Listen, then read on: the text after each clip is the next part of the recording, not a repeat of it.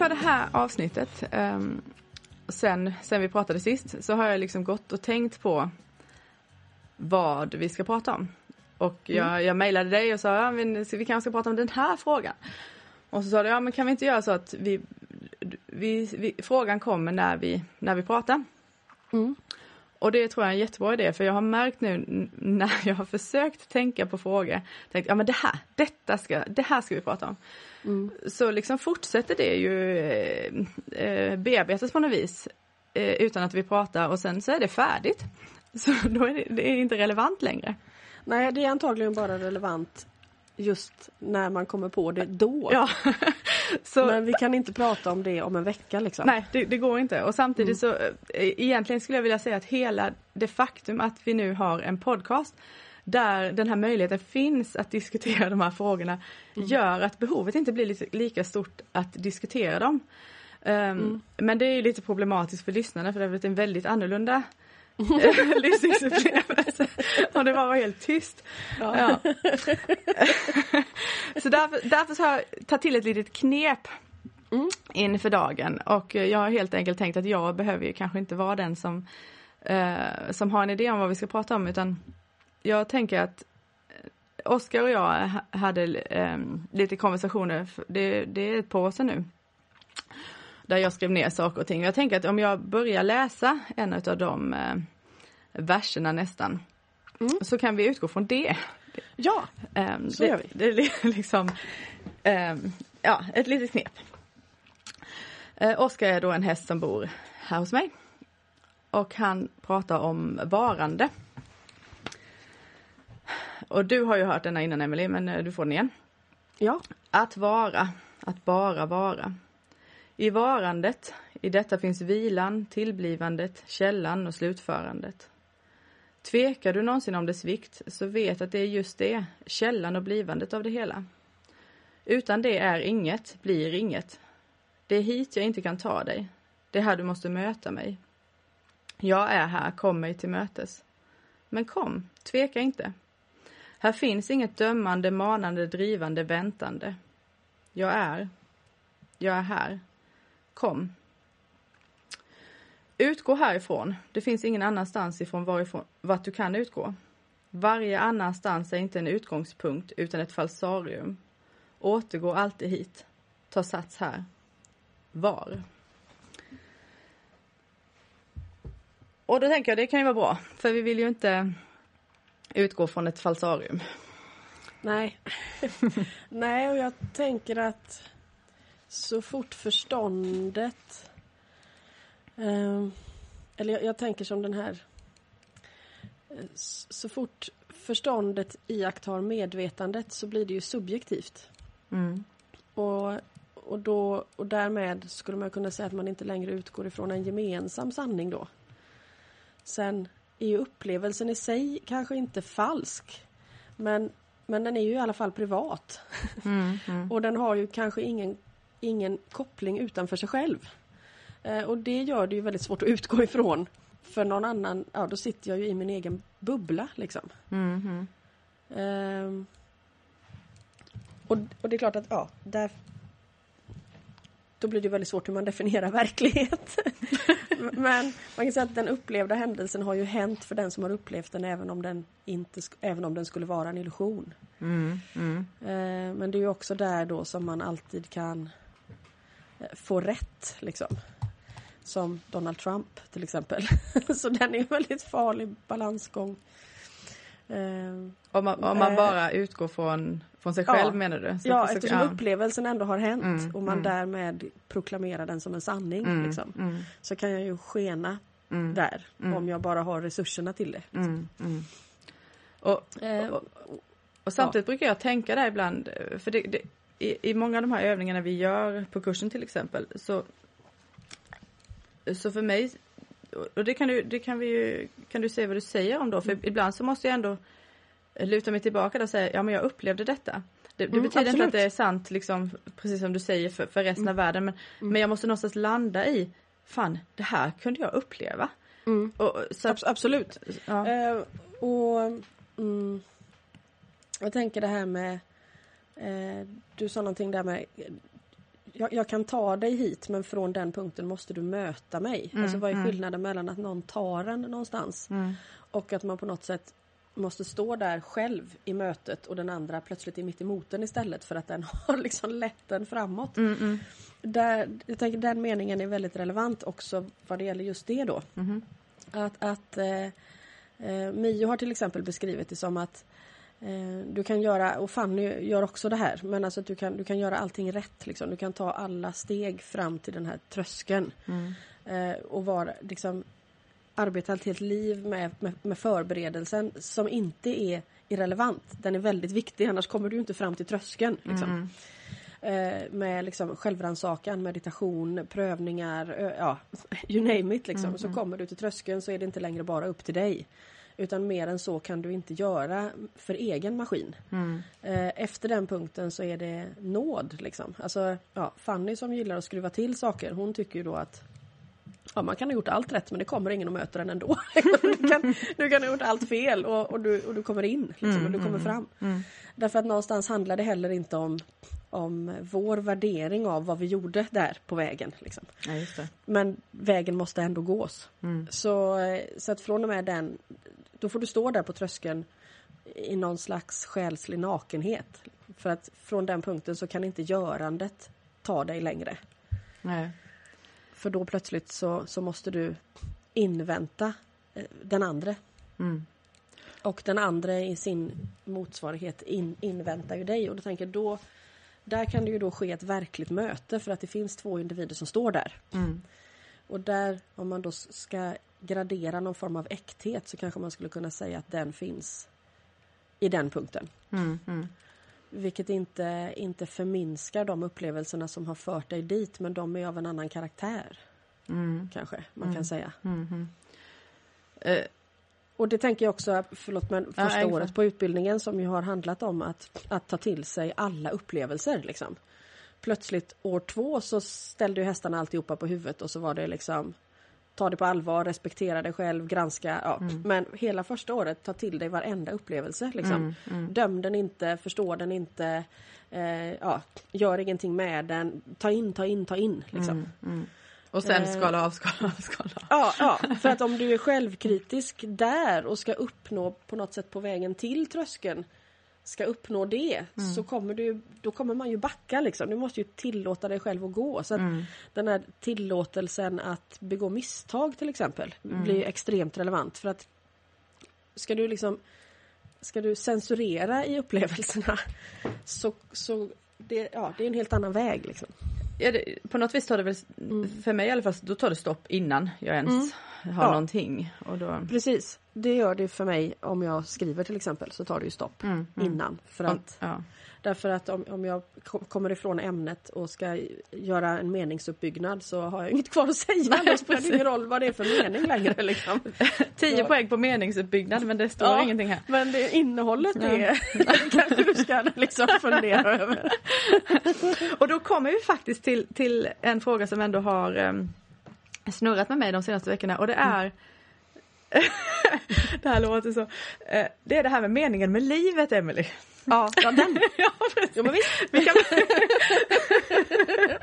vi måste ändå nästan börja där för eh, vi, Ja. vi, vi, eller det måste man ingenting men vi, nämnde det lite sist att, att det finns ingen mening och så vidare. Men nu, nu är vi någonstans där i häraden i alla fall. Varför ska man ens ta sig till tröskeln? Varför ska man ta sig över den? Varför allting som man gör i livet upplever jag, rätt eller fel vet jag inte, men att det kan ha, jag kan i, princip göra samma sak men det kan vara jag tror du använde begreppet någon gång själsligt grundat eller inte. Eh, fast jag utför eh, samma handling. Mm, Ehm, just det, om man är där eller inte. Ja, och, och det är någonstans för mig eh, en, en fråga kanske i mitt liv. Hur, hur ehm, Ja, vart är alltså jag på väg eller vilka principer grundas det på? Eller vad, vad har jag någonting att luta mig på eller har jag ingenting? Antagligen är båda de sakerna sant. Ja, det, det brukar det På samma gång, helt beroende på också hur man graderar begreppet ingenting. Mm. Men, men, men, eh, Men det vad här, heter det här blir bra. Eh, vad heter det? Ehm, de flesta liksom djur och växter eh, som jag träffar på och i, i det här ämnet är, är ju, eh, kretsar ju kring att, att mm, att det unika med livet är ju möjligheten att uppleva det. Liksom. Mm.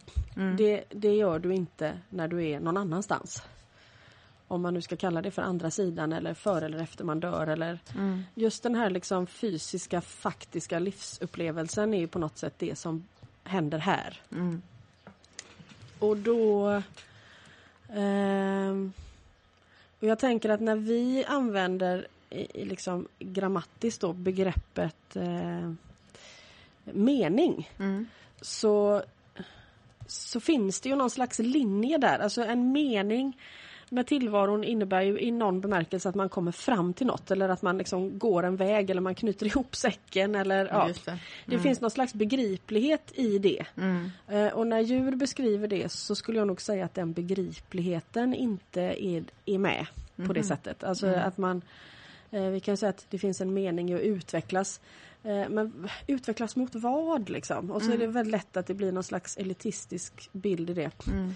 Eh, Fanny har någon gång dratt det så långt som att säga men ska ni göra någonting medan ni är här så så bryt mönster liksom. Det kan ni inte göra sen. Mhm. Alltså det, det, även om man kan komma till, eller kommer till insikt med en slags i den här empatiska reupplevelsen av livet så förändringen gör du ju inte där. Förändringen går du ju tillbaka och gör här. Liksom. Så att, Vänta, vänta, vänta. Jo men om man tar som Lenas man där och som djuren också beskriver att när du är på andra sidan och och får liksom återuppleva ditt liv tillsammans med den här Ja, just det. all total empatiska närvaron. Mm. Eh, där du liksom ser ditt liv i sitt fulla ljus. Mm. Inte bara ur det personliga perspektivet och också då ser hur dina handlingar har påverkat andra. Mm. Då kommer du ju följaktligen till en rad insikter om hur dina val faktiskt har sett ut. Liksom. Mm. Men, men förändringen sker ju inte där. Ja, det. förändringen sker av att du återigen sätter igång och upplever. Liksom. Mm. Mm. Eh, Så, så där, där har ju Fanny gått in och sagt men, men bryt, liksom, bryt mönster. Hon säger att, att tittar man på, och då utgår hon ju från en slags delvis personlig reinkarnation och gemensam. Liksom. Mm. Men att vissa liv ser så lika ut från gång till annan att det finns ingen förändring alls. Liksom. Eh, Och då skulle hon ju inte säga att det är meningslöst men man kan ju säga att graden av lidande blir väldigt högt Mm. ju, ju mindre din bild är. Liksom. Så att ska man, men okej men är det då, finns det en mening med att minska lidande? Ska man ha det som drivkraft? Ja alltså, det kan man ju. men måste man det? Nej det måste man ju inte heller Det egentligen. är också en upplevelse. Men man skulle kunna säga att när du vidgar rummet så blir upplevelsen större. Så att möjligheten av att uppleva liv, om det nu är det som gör det här så unikt, Mm. den blir ju större. Liksom. Mm. Eh, och det skulle ju kanske kunna vara att man då upplever mer liv eller kommer närmare liksom, livet. Ehm, du sa i förra Och, och att ja. man för då förhoppningsvis i det, eftersom empati hela tiden är inflätat i det här, också då eh, min, alltså, utsätter andra för mindre lidande än vad man skulle gjort annars. Ja precis. Det, det, det går inte att, att, att göra det här för sig själv utan att det Nej. på något vis spiller över också i möjligheten för andra att ut, Ja, öka du kan, det här inte utrymmet. göra det, du Mm. kan inte göra det som en karriär. Liksom. Och du kan heller inte göra det på bekostnad av någon annan. Det är inte så att om, om jag utvidgar utrymmet för mitt själsliga medvetande så är det någon annan stackare som får betala priset. Det minskar liksom. Ja, precis. Ja. Är det det här du menar när du sa i förra avsnittet, att, att, eller jag tror det var i förra avsnittet, eller så var det någon annanstans, att, att, du, att du nu utmanar dig själv mindre fysiskt men mer eh, eh, inombords Mm. kanske? Mm, ja, precis. Mm. Eh, Handlar det om en, en ökning av rummet, möjligheterna? Ja, ja, jag tänker att i mitt fall så handlar det mycket om det som vi gör nu då. Mm. Eh, att man eh, eh, utmanar hjärnan i form av abstraktioner liksom. Mm. Alltså att den, och det, det, kan, det, det kan man ju sitta och göra själv såklart men, men det är väldigt svårt att inte hela tiden återvända till sig själv. Så det är väldigt bra om det finns andra individer som, som drar i det. Liksom. Ja, risken verkar ju vara när man sitter med sig själv att, att man låser fast saker och ting. Nu har jag nog fattat detta. För det, Mm. om det ja, inte kommer någon ny får, input. Precis, du får ju hela tiden din egen bekräftelse på vad du har tänkt. Behagligt. Och, ja, och det är väldigt behagligt eh, och så funkar en diktatur liksom. Den enskildes diktatur. Ja. Ehm, så, så någonstans eh, kanske det kanske finns en en eh, bryt mönstret gillar jag.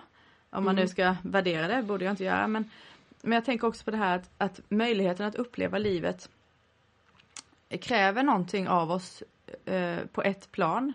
Självklart, är vi här så upplever vi det. Men man Mm. kan, som du säger, uppleva det närmre kanske eller, ja. eller tydligare. Jag tänker eller... också ju- just det här med upp, alltså bryt mönster liksom. Så tänker jag på det också att när, när Fanny i andra sammanhang har pratat om mönster så har hon ju också sagt att så fort en människa har upplevt en sak en gång Mm, så har vi skapat en vana. Liksom. mm, Så att gång två är gigantiskt stor risk eller chans att man bygger ifrån den stenen som finns då. mm, Eh, Så det är klart att genom att ständigt bryta mönster så, så får du ju en massa nya utgångspunkter då. Som inte är beroende av varandra och då får du ju rent intellektuellt ett öppnare sinne. Och liksom, ja, Det är själsligt som då, om, om man gör... ett, ett annat Ja, utrymme. det. Mm. Så om man gör någonting för andra gången så har man egentligen ganska dramatiskt minskat möjligheten att uppleva det.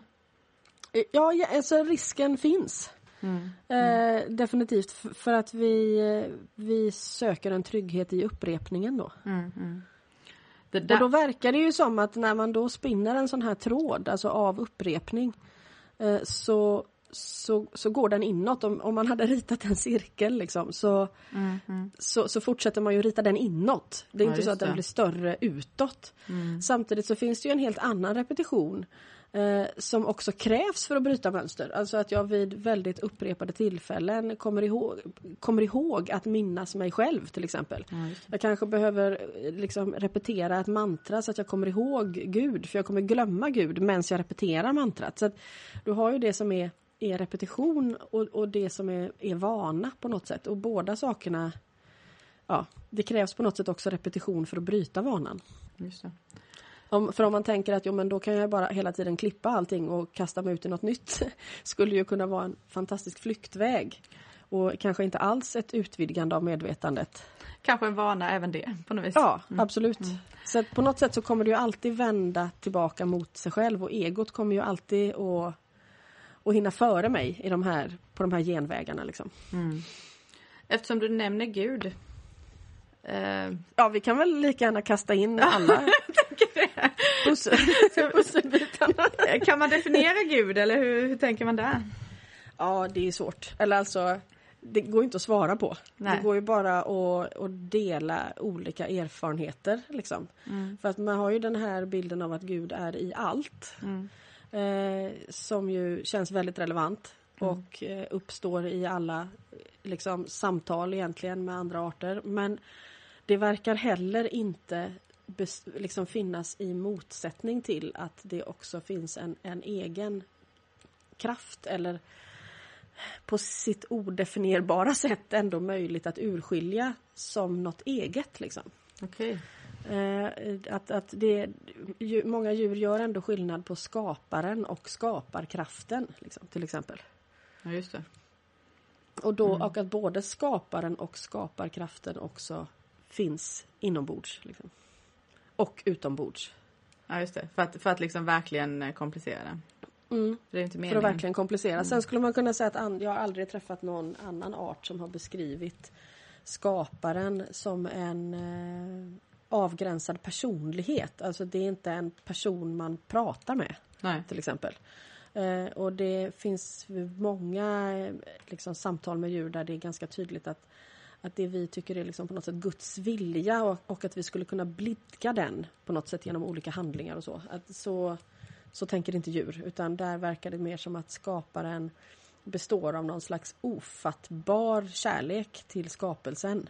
Mm. Jag vet några i, i- tror det var någon häst i Jordanien som beskrev det som att världen, världen finns för att, för att Gud eller skaparen låter den vara, alltså allows it to be. Mhm. Eh, och då, då kan man säga att man låter den vara, man låter den vara. Alltså den, den, den finns i en tillåtelse, inte en tillåtelse i form av det här får du, det här får du inte, utan Mm. i en, en slags ändlös tillåtelse. Liksom, ett tillåtande. Eh, och, och då försvinner ju den här eh, liksom lite mer svartvita eller endimensionella straff och belöning och vad som får mig att komma närmare Gud eller längre därifrån och så. Mm. Att det, det är mina egna handlingar eller mitt eget sinnestillstånd för mig närmare eller längre bort. Men det är inte, det är inte Gud som förskjuter mig eller, eller välkomnar mig. Liksom. Beroende på vad jag har gjort nu. För att, därför att den skaparen är där alltid. Liksom. Mm. Den, kärleken är, eh, är oförminskad. Och det tyckte jag att Lenas man beskrev väldigt bra Mm. eh, i sin beskrivning av att eh, han inte upplevde att det fanns något fördömande. Och, och idén om nu får du straff för att du har gjort så här består av att empatin gör att du får en inre förståelse av vad dina handlingar har lett till. Precis. Och vi kan väl bara flika in där att Lenas man jobbar just med efter, efter döden upplevelse Ja, precis. eh, och intervjuat många människor. Eh, Och har egna erfarenheter Ja, på det området. Mm. Och det var det jag också tyckte var så spännande med att han kunde beskriva den där eh, otroligt djupa, ordlösa eh, kärleksfulla empatin som djur också beskriver. Där alla andra historier på något sätt raderas ut för att det där är, är större än allt. Liksom. Mm. Mm. Och det är vi skapade ur det och av det. Du har ju också det i, i islam där med eh, eh, Al-Rahman Al-Rahim, alltså den barmhärtige och barmhärtigheten i Mm, samma. Eh, och alla liksom suror startar med det. Mm. Så Bismillah Al-Rahman Al-Rahim. I Guds namn, den barmhärtige och barmhärtigheten. Det. Så det finns i, och det kärleksbudskapet är ju jättetydligt i kristendomen till exempel. Men sen, sen ska vi praktisera. Mm. Mm. Och det här är ju svårt liksom. Så Det- är det- klart att ja. kan man få ner det till någon slags begriplighet och bara få några jäkla regler liksom. Ska jag göra så här eller så här? Så, så, men då tänker jag att om man byter ut reglerna mot, mot principer, alltså att det blir en mer fördjupad liksom, dynamisk vägledning så finns det ju såklart saker man kan välja att göra och inte göra. Mm. Men, men inte på den här eh, liksom, mätbara skalan då kanske.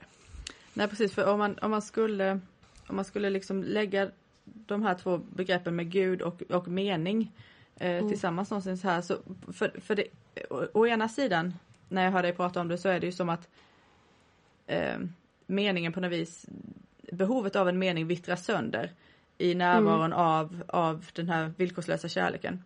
Ja precis. Eh, och, och samtidigt, precis som du säger, i praktiken då. Hur, hur, hur kan vi påminna oss? Hur kan vi leva den villkorslösa kärleken kanske? Mm. Eh, Ja, alltså, jag, jag tänker att det är, ja precis, för det är ju det, det kanske är det allting handlar om i slutändan. Och då, då tänker jag att man hamnar också då lite i varför taoismen hela tiden har fått spela en roll bredvid allt det här som vi har upplevt tillsammans. Men att eh, där är man ju ganska tydlig, man, men jag- man, man kanske inte kan definiera det, men man kan definiera det andra. Liksom. Vad är inte den villkorslösa kärleken? Eller hur, hur ser jag mitt ego eller det här falsariet som Oskar pratar om. Liksom, hur kan jag se det? För ser jag det eh, då, då, är det ju, då finns det ju i medvetandet och därmed upplevt och sant och därmed borta. Alltså på något sätt det förlorar sin makt liksom, i medvetandegörandet. Så att det i större utsträckning handlar mer om att plocka bort det andra. Eh, eftersom, eftersom kärleken kan ju inte vara någon annanstans än där. Vi hade inte levt, skapelsen hade inte funnits, vi behöver inte förstärka den. Nej precis. Eh, Men vi behöver, eh, Fanny brukar beskriva det som att man rensar ett trädgårdsland. Liksom. Du måste på något sätt ta bort det som förhindrar det andra från att växa. Mm. Eh, och, och då är det ju spännande i den här tiden eller platsen som vi lever på nu där personlig framgång till exempel är väldigt högt hyllat. Liksom. Mm. Mm. Eh, och att man eh, lyckas på bekostnad av andra är, är helt... eh, Man förutsätter att det tyvärr är en nödvändighet och så. Mm. Så de egenskaperna eller det man behöver träna på om man, om man nu vill det här, det blir ju ja, det blir en väldigt annorlunda riktning. Mm. Och kanske på många sätt en väldigt ologisk riktning. i förhållande till kulturella värderingar till exempel. Ja precis. Jag, och det, jag har, det är också en fråga som jag tänkt på sen tidigare. Hur, hur, sätt, hur skapar jag eh, miljön som jag vistas i eh, på ett sätt så att, den, så att det just kan eh, kultivera det som jag vill Mm. kultivera och inte tvärtom. Mm. Eh, och, och precis som du säger just med utgångspunkt i att att jag kanske då faktiskt måste skapa den miljön delvis själv därför att den, den rådande omständigheten kommer göra det svårare. Mm. Eh, och där har du ju, kan man väl säga, kommit långt eller tagit liksom ganska eh, jag vet inte, men utifrån sett skulle det kunna se drastiskt ut kanske. Det kan Ja. inte upplevs så. Och Men, sen är det ju väldigt många steg som man hela tiden känner att man vill ta för att det aldrig man kommer inte fram liksom. du har men- mer men nässlor i... att-? Ja, ja. Nej, men, jag, men, men jag tänker att det är, eh, liksom, det är bra att hålla sig till empati på något sätt. Jag vet, det är en lite annan vinkling på det men, men eh, ämnet kom upp med Fanny och någon som besökte henne eh, om eh, hur man vet, liksom, är man på rätt väg? Den här läraren som man följer, vad är det för en? Liksom? Mm. Ofta Mm. är det ju en person. Eh, och då sa han så här, men det finns liksom ett, ett enkelt förhållningssätt till det här och det är att har det som jag har gjort nu eller följt nu eller har det gjort mig mer empatisk eller mindre empatisk? Har det Mm. gjort mig mindre empatisk? Ja, då är det inte åtminstone den vägen som leder dit. Nej, just det. Eh, har det gjort mig mer empatisk? Ja, men då kan jag ge det en chans. Och då är det väldigt lätt att blanda ihop känslor och empati. Alltså det blir inte samma sak som har jag blivit mer känslosam eller inte. Just det. Det kan ju hänga ihop såklart. Mm, Att har man mm. varit väldigt avstängd och plötsligt känner så, så finns det ju en väldig eh, liksom man kan bli otroligt rörd eller berörd av det man upplever när empatin väcks. Liksom. Kan ju gråta av att se ett grässtrå och förstå att det lever. Liksom. Mm, mm. Men det ska inte förväxlas med att man blir rörd av sina egna känslor. Nej. Och meddragen i hur fruktansvärt starkt jag upplever det här. Ah, ja, då Mm, är du ju mm. tillbaka på reflektionen av vad är det jaget erfar. Liksom. Mm, Och då mm. är det inte per definition empati längre. Nej. Det är vet, nå- något djur som beskriver som att empati är att du, du eh, upplever den andra och ser dig själv. Eh, Vänta, en gång till. Du upplever den empati andra är att du upplever den själv. andra och ser dig själv. Alltså du får en, Ja. en, en förmåga att se dig själv utifrån och en förmåga att uppleva den andra inifrån. Mm. Eh, och eh, det vi vanligtvis utgår ifrån är ju tvärtom. Alltså jag ser den andra utifrån Mm. men upplever bara min egen upplevelse av den andra. Mm. Så att om du blir ledsen så vet jag hur det känns i mig att du blir ledsen. Mm. Men frågan är, vet jag hur det känns i dig när du blir ledsen? Då är det empati. Liksom. Ja. Ja. här sitter jag Så att och ta in utgångspunkten eller referensramen och det är ju det som, som egentligen hela kursen handlar om att öva på. Då, Mm. Mm. Så att den första, allra första övningen, Vem är du, vem är jag? Den hade ju egentligen räckt för två år liksom. Mm. Men, men eh, så gör vi hela tiden varianter på det. Mm. Det Det finns... vet jag, det vet ja. jag någon gång som när vi presenterar nya övningar att det ofta är någon som säger men det här liknar ju det vi gjorde förra gången. Jajamensan. Och tur är väl det för att. Ja, men eh, det här fick man tänka på en, en, en sak som du får se om, om jag jag tänker dra den och så får du se om jag fattar eh, och något, någorlunda om vi pratar om samma sak.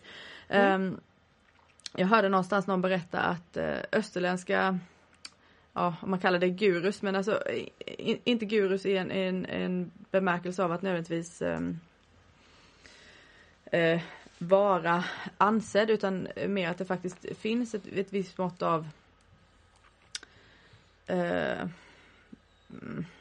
det- vad ska man kalla det, upplysthet eller andlig praktik eller Ja. vad det nu är.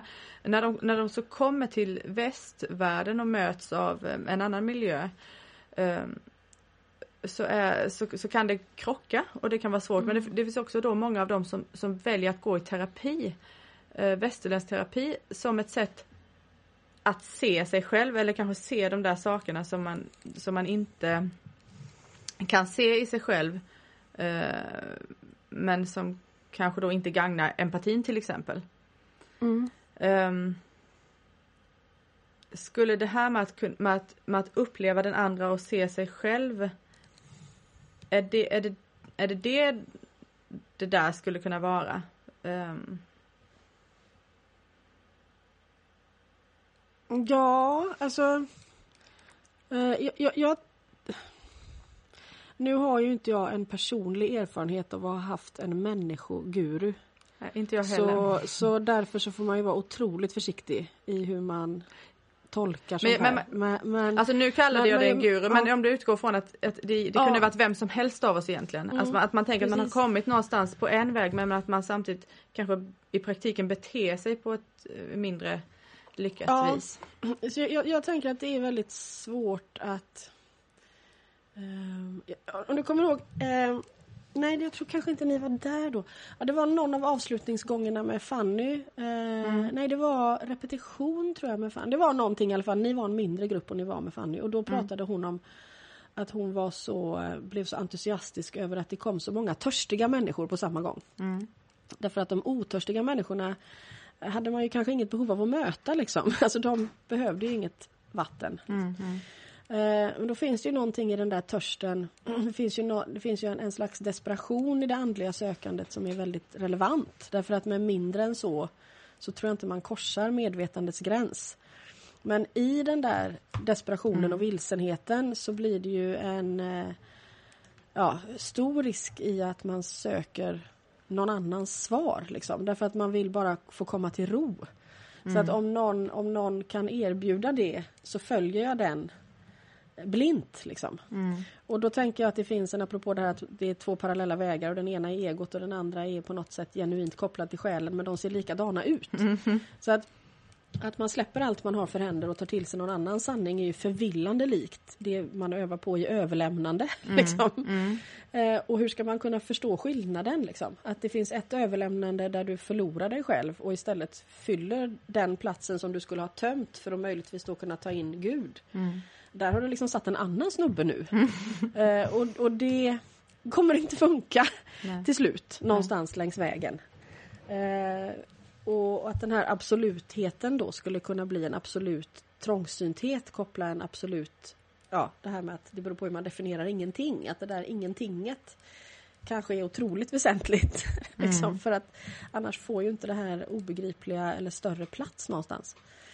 Och den personen som då får den här projiceringen på sig vad gör den personen med det? Liksom? Alltså finns det en slags eh, behaglig känsla i att bli sedd då kanske? Mm. Eller är man, eh, är man så Alltså att uppleva den andra och se sig själv att man, man stannar inte där utan man vet om att det är så. Och står, står kvar i sin liksom respektive själsliga upplysning i alla fall. Jag tänker att båda sakerna är möjliga och dessutom kanske möjliga inte så svart eller vitt utan att det, ibland är det så och ibland är det inte så. Ja precis. Så att, att man är upplyst emellanåt betyder ju inte att man då att man på något sätt är immun mot eh, mot att tappa det liksom. Man tänk, det, ofta beskrivs det som att om man hittar upplysning så är du, ja, men då är du i hamn på något sätt, lite som frälsning. Mm. Men så finns det andra som menar att ja, men sen bör, så får man öva liksom, får man börja om.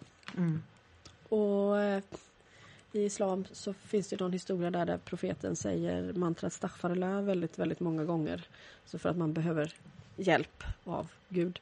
Så men varför gör du det? Du är profet liksom. Han gjorde det, nu kan inte jag det här så det här kan Vad betyder, vad men- betyder arabiskan där? Staghfarullah, jag ska ta reda på det exakt ordagrant. Men det är lite att man skyddar sig liksom på något sätt mot när det går snett. Okej. Mm. Och, och då... eh, och, det här var många gånger, kanske hundra gånger om dagen. Liksom, Mm, för att, nej, men, jag måste ju också göra det för att jag glömmer också. Mm. Mm. Så att tänker man, jag tänker att när upplysta människor på något sätt beter sig som att de har en specialstatus för att de redan är framme så kanske man ska dra åt sig öronen då. Mm. Eller att det som gäller andra inte längre gäller dem. Mm. Mm. Då, då kanske man har istället bundit en identitet. Ja, precis. Nu är vi inne på ett ytterligare ett spår som, som är intressant och det är det här med att, att det handlar om universell livsfilosofi. Mm. Och att, att du har läst Tao Te Ching i 25 år eller vad det är. Ja, 35 år, nej 30 år. 30 år i alla fall. 30. Du är inte så gammal Emelie. Nej, men jag, jag tror att jag, jag fick tag på den första gången när jag var 14 och nu är jag ju 46 då. Ja. Så Ja, ja, det blir ju ändå, det blir ju några år ja där. det blir det verkligen. Mm. Va- Vad, ehm, med den erfarenheten, inte bara av att ha läst Tao Te Ching då utan att också ha, ha, har träffat alla de här eh, eh, djuren bland annat.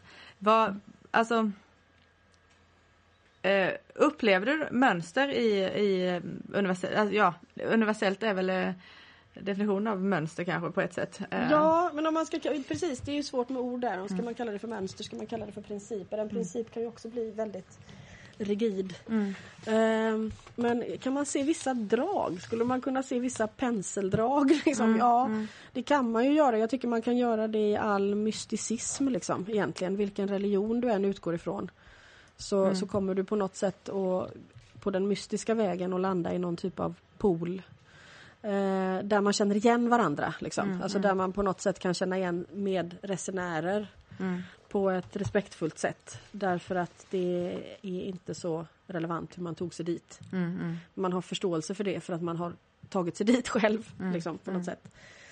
Ehm, så jag tycker att det finns vissa gemensamma drag och där just eh, ja, em- empati är väl väldigt starkt till exempel. Mm. Och där även liksom vetenskapen ibland kan flika in. Mm. Att de rent mätbara upplevelserna till slut också kan hamna där. Med att eh, ja, det verkar som att vi har svårt att känna äkta lycka eh, på något annat sätt än att göra någon annan glad. Mm. Liksom. Mm. Det är ju väldigt spännande. Mm.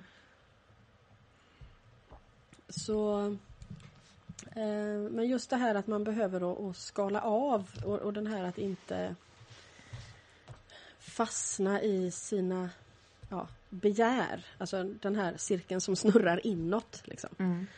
Ehm, men då tycker jag att man då har kunnat se en viss skillnad på vägar där då egot och jaget inte riktigt har mm, definierats. Alltså att de, de har blandats ihop lite. Vilket ibland kan leda till, upplever jag då, ska vi Mm, säga. mm, mm. Det är säkert inte så att den vägen ser ut så, men det kanske inte är så tydligt uttalat. Men att man, att man eh, i sin kamp mot att inte styras av egot på något sätt kan nästan drabbas av ett självförakt. Eller ett, att man måste ta bort hela sig. Liksom. Mm. Att det är allt man känner eller upplever ska bort. Mm. Tills jag inte känner någonting och inte styrs av någonting. Ja, allting är falskt, allting är, ett, allting är en illusion. Så. Men när jag träffade människor inom sufismen så var det tvärtom. Det var sådär, men du, det, det, du ska utvidga ditt jag så att du kan ta in allting. Liksom. Mm. Mm. Så, så att det inte längre bara är du där inne utan till slut allting. Och då vänds det här ut och in till att alltet blir centrumpunkt istället för jaget. Liksom. Och i, i Alltet blir den- centrumpunkt istället för jaget. Ja. Jag måste bara stoppa dig ibland så vi hänger Ja. med. Som att du tänker att den där lilla punkten vidgar sig Ja, till en precis. cirkel som sen vänds ut och in på något Mm. sätt. liksom. Och- och det- har- Det hänger ihop med vad eh, Willow sa ju om Ja. jaget. Mm. Och då får man ju en väldigt livsbejakande väg. För istället för att du på något sätt måste plocka bort allting i dig själv som är fel. Mm.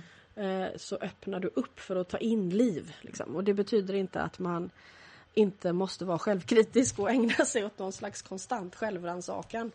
Men det finns något kreativt i det tankesättet, upplever jag. Mm. Som jag tycker överensstämmer med hur djur förhåller sig. För tittar man på djur som liksom verkligen eh, har en hög andlig närvaro som Mio och Fanny och många av de jordanska hästarna. Så kan man väldigt ofta se att det finns en ett livsnjutande drag i dem, alltså att de älskar att leva. Liksom. Deras mål med upplysningen är ju inte att slippa komma tillbaka. Liksom. Nej, nej. Som man ofta kan, kan höra ifrån människor, att jag vill bara bli klar och slippa det här igen. Liksom. Mm. Och det handlar ju mer om, kanske inte att man inte vill leva, men att, att det är övermäktigt. Liksom. Och att Mm. lidandet är ohanterligt. Mm. Eh, och de här djuren som har kommit till det här stadiet, eller vad man nu ska kalla det, utan att hamna i en jäkla hierarki igen. Liksom. Men, men att de, eh, de upplever ju en... Ja, de älskar att vara här. Liksom. Mm. Det blir, blir väldigt tydligt. Är de fortfarande törstiga i Fannys? Jag skulle säga att de är törstiga. Mm. Eh, de, att de fortsätter att vara det därför att man, det, det finns ju inget slut. Liksom. Nej. Och de Det är upplever inte så inte... bägaren blir aldrig full, eller den kan bli överfull då. Mm, mm. Och så häller man, fortsätter man. Men, men, men det tar inte... Det, det blir inte nog med liv liksom. Och de upplev... Finns det en upplevelse av törsten som... Alltså på, på, törst som, som brist på någonting Mm. eh, kan ju upplevas som ett lidande. Ibland kan jag tycka själv att Mm. den här känslan av att alltid liksom alltid vilja lite mer. Mm. Eh, den, den, den finns liksom vid sidan av en, en känsla av stor tacksamhet för att vara här och för att eh, liksom ha det bra och så vidare. Mm. Eh, men eh, jag, jag tror jag läste nå- någonstans om Alltså det finns ju också genetiskt i oss ett, ett, ett driv för att annars hade, hade eh, kanske arterna inte överlevt helt Ja, enkelt. absolut. Ehm, Absolut. Och, och det, det där lidandet i alltså att man inte är nöjd eller inte är tillfreds. mm, Det finns ju en kreativitet i det också. Alltså Mm. det är lite som att eh, ja, men annars blir du på något sätt blasé eller complacent. Liksom. mm, Att, mm, att eh, ja, men då ignorerar du också andras lidande kanske. Så då kanske det inte kostar dig så mycket att, att du eh, liksom ja, bidrar till destruktiva ja, just det. beteenden i samhället till exempel. Då Alltså sitter det, man där och är nöjd bara. Ja, det kostar dig inget att du bidrar till klimatförändringar eller, Mm, eller eh, liksom livsmedels, delar av livsmedelsindustrin Mm. eller vad man nu vill se. Liksom. Eller Mm, mm. slavarbete i andra länder. Allting som vi faktiskt blint bidrar till mm, i vår mm, livsstil. Liksom. Mm. Eh, plus att, det, och då handlar det lite om att, jo men vill du vakna ur en man vill ju vakna ur en dröm som är obehaglig men du vill ju inte vakna ur en dröm som känns så himla bra. Liksom. Nej, så så att om, man, om man tänker sig att målet, om man säger att, att en del av det här handlar om att när du utvidgar det själsliga utrymmet så minskar lidandet. Ja men om man också då skulle ha som någon slags idé att vi strävar mot en tillvaro som är smärtfri, det är ju något annat. Liksom Ja, då får vi ju inga påminnelser och inga liksom vägar till fördjupning som smärta innebär till exempel. nej precis. Så att idén om att men, målet med den själsliga utvidgningen skulle vara att vi slipper smärta. Nej, det är ju något annat då. För då handlar det ju igen om vad jag inte vill. Ja, då är det ju igen att jag upplever mig själv och ser andra. Mm, mm, Liksom. mm. Så, men att man kanske förhåller sig annorlunda till smärta när rummet är större. eh, Jämfört med om rummet är väldigt trångt. Mm, mm. Men att tänka sig att, att man plockar bort smärta som princip, då tror jag det, det är ju kanske mer att inte vilja acceptera världen. Liksom. Ja, bara när du säger det så, så känns det ju som ett... eh, Alltså det kanske är lite motsatsen till att faktiskt uppleva livet. På något vis. Mm. Det blir platt. Ja, det var tydligt. Mio till exempel, när han dog så gjorde han ett sånt val. Eh, det ingår ju i mitt jobb att när man eh, ligger väldigt nära döden. eh, Som djur så kan man ju välja avlivning då, alltså att du får hjälp till sista så att du faktiskt inte behöver då och, och vara med hela vägen. Eller så kan du ju eh, välja och, och uppleva varenda steg. Och jag skulle säga att det, det där varierar. Liksom. Jag kan inte säga att någon, något av det är vanligare än det andra utan det varierar. Men Mio beskrev det väldigt tydligt som att när man föds eh, så går man igenom en smärtfylld trång kanal och sen upplever man frihet. Eh, och han ville göra precis, han ville ta exakt samma väg ut. Mm. Alltså han ville gå igenom den trånga kanalen för att sen bli fri på andra sidan. Så han var väldigt tydlig med att inte vilja ha hjälp. Mm. Apropå hur man förhåller sig till smärta då. Mm. Mm. Så när han bara hade någon minut kvar så det var ett organ, eh, ja, eh, organkollaps liksom. Så, så reste han sig upp och gick rakt ut i flocken och så ställde han sig, alla stod runt honom och så när alla stod där så vek sig benen och så dog han bland dem. Mm. Eh, Så han blev ju verkligen också färdig, eller det förstärkte ju känslan för oss att man tänker ju alltid, har jag inbillat mig, det här är, ja, man frågar ju sig själv Mm. hela tiden, har jag tolkat det här fel? Mm. Liksom. Om, man- om, om man ska ta ett annat Ja. beslut. Ja. Mm. Eh, Och hur mycket av det här är mina egna känslor, det kommer jag aldrig få veta. Det kanske jag får veta i den empatiska tillbakablicken när jag inte längre är här. Men jag, Mm. jag kommer ju aldrig kunna veta det med full säkerhet nu. Nej, liksom. precis. Mm. Mm. Min, eh, min hjärna expanderar tror jag. Det känns, så, det känns så i alla fall. Ja, men det, det är ju där, där som är så bra också tänker jag med att man baserar ett samtal på frågor som inte är förberedda för att det puttar ju allas hjärnor Mm. i, ur sin, eh, sin utgångspunkt. Liksom. Mm. Jag tror också det har nått, nått gränsen för dagen måste jag erkänna. Ja. Jo men jag tror att vi nog kanske har det också för att det är en bra bild det här och ja, med Mios avslut. Mm. Liksom, att den får eh, Mm. Landa i lugn och ro. Ja, att den får landa i lugn och ro ja, för Mm. det, det gjorde ju han. Mm. Ja, precis. Ja, men då tycker jag att vi avslutar här och så ses vi om ett tag igen helt enkelt. Det gör vi.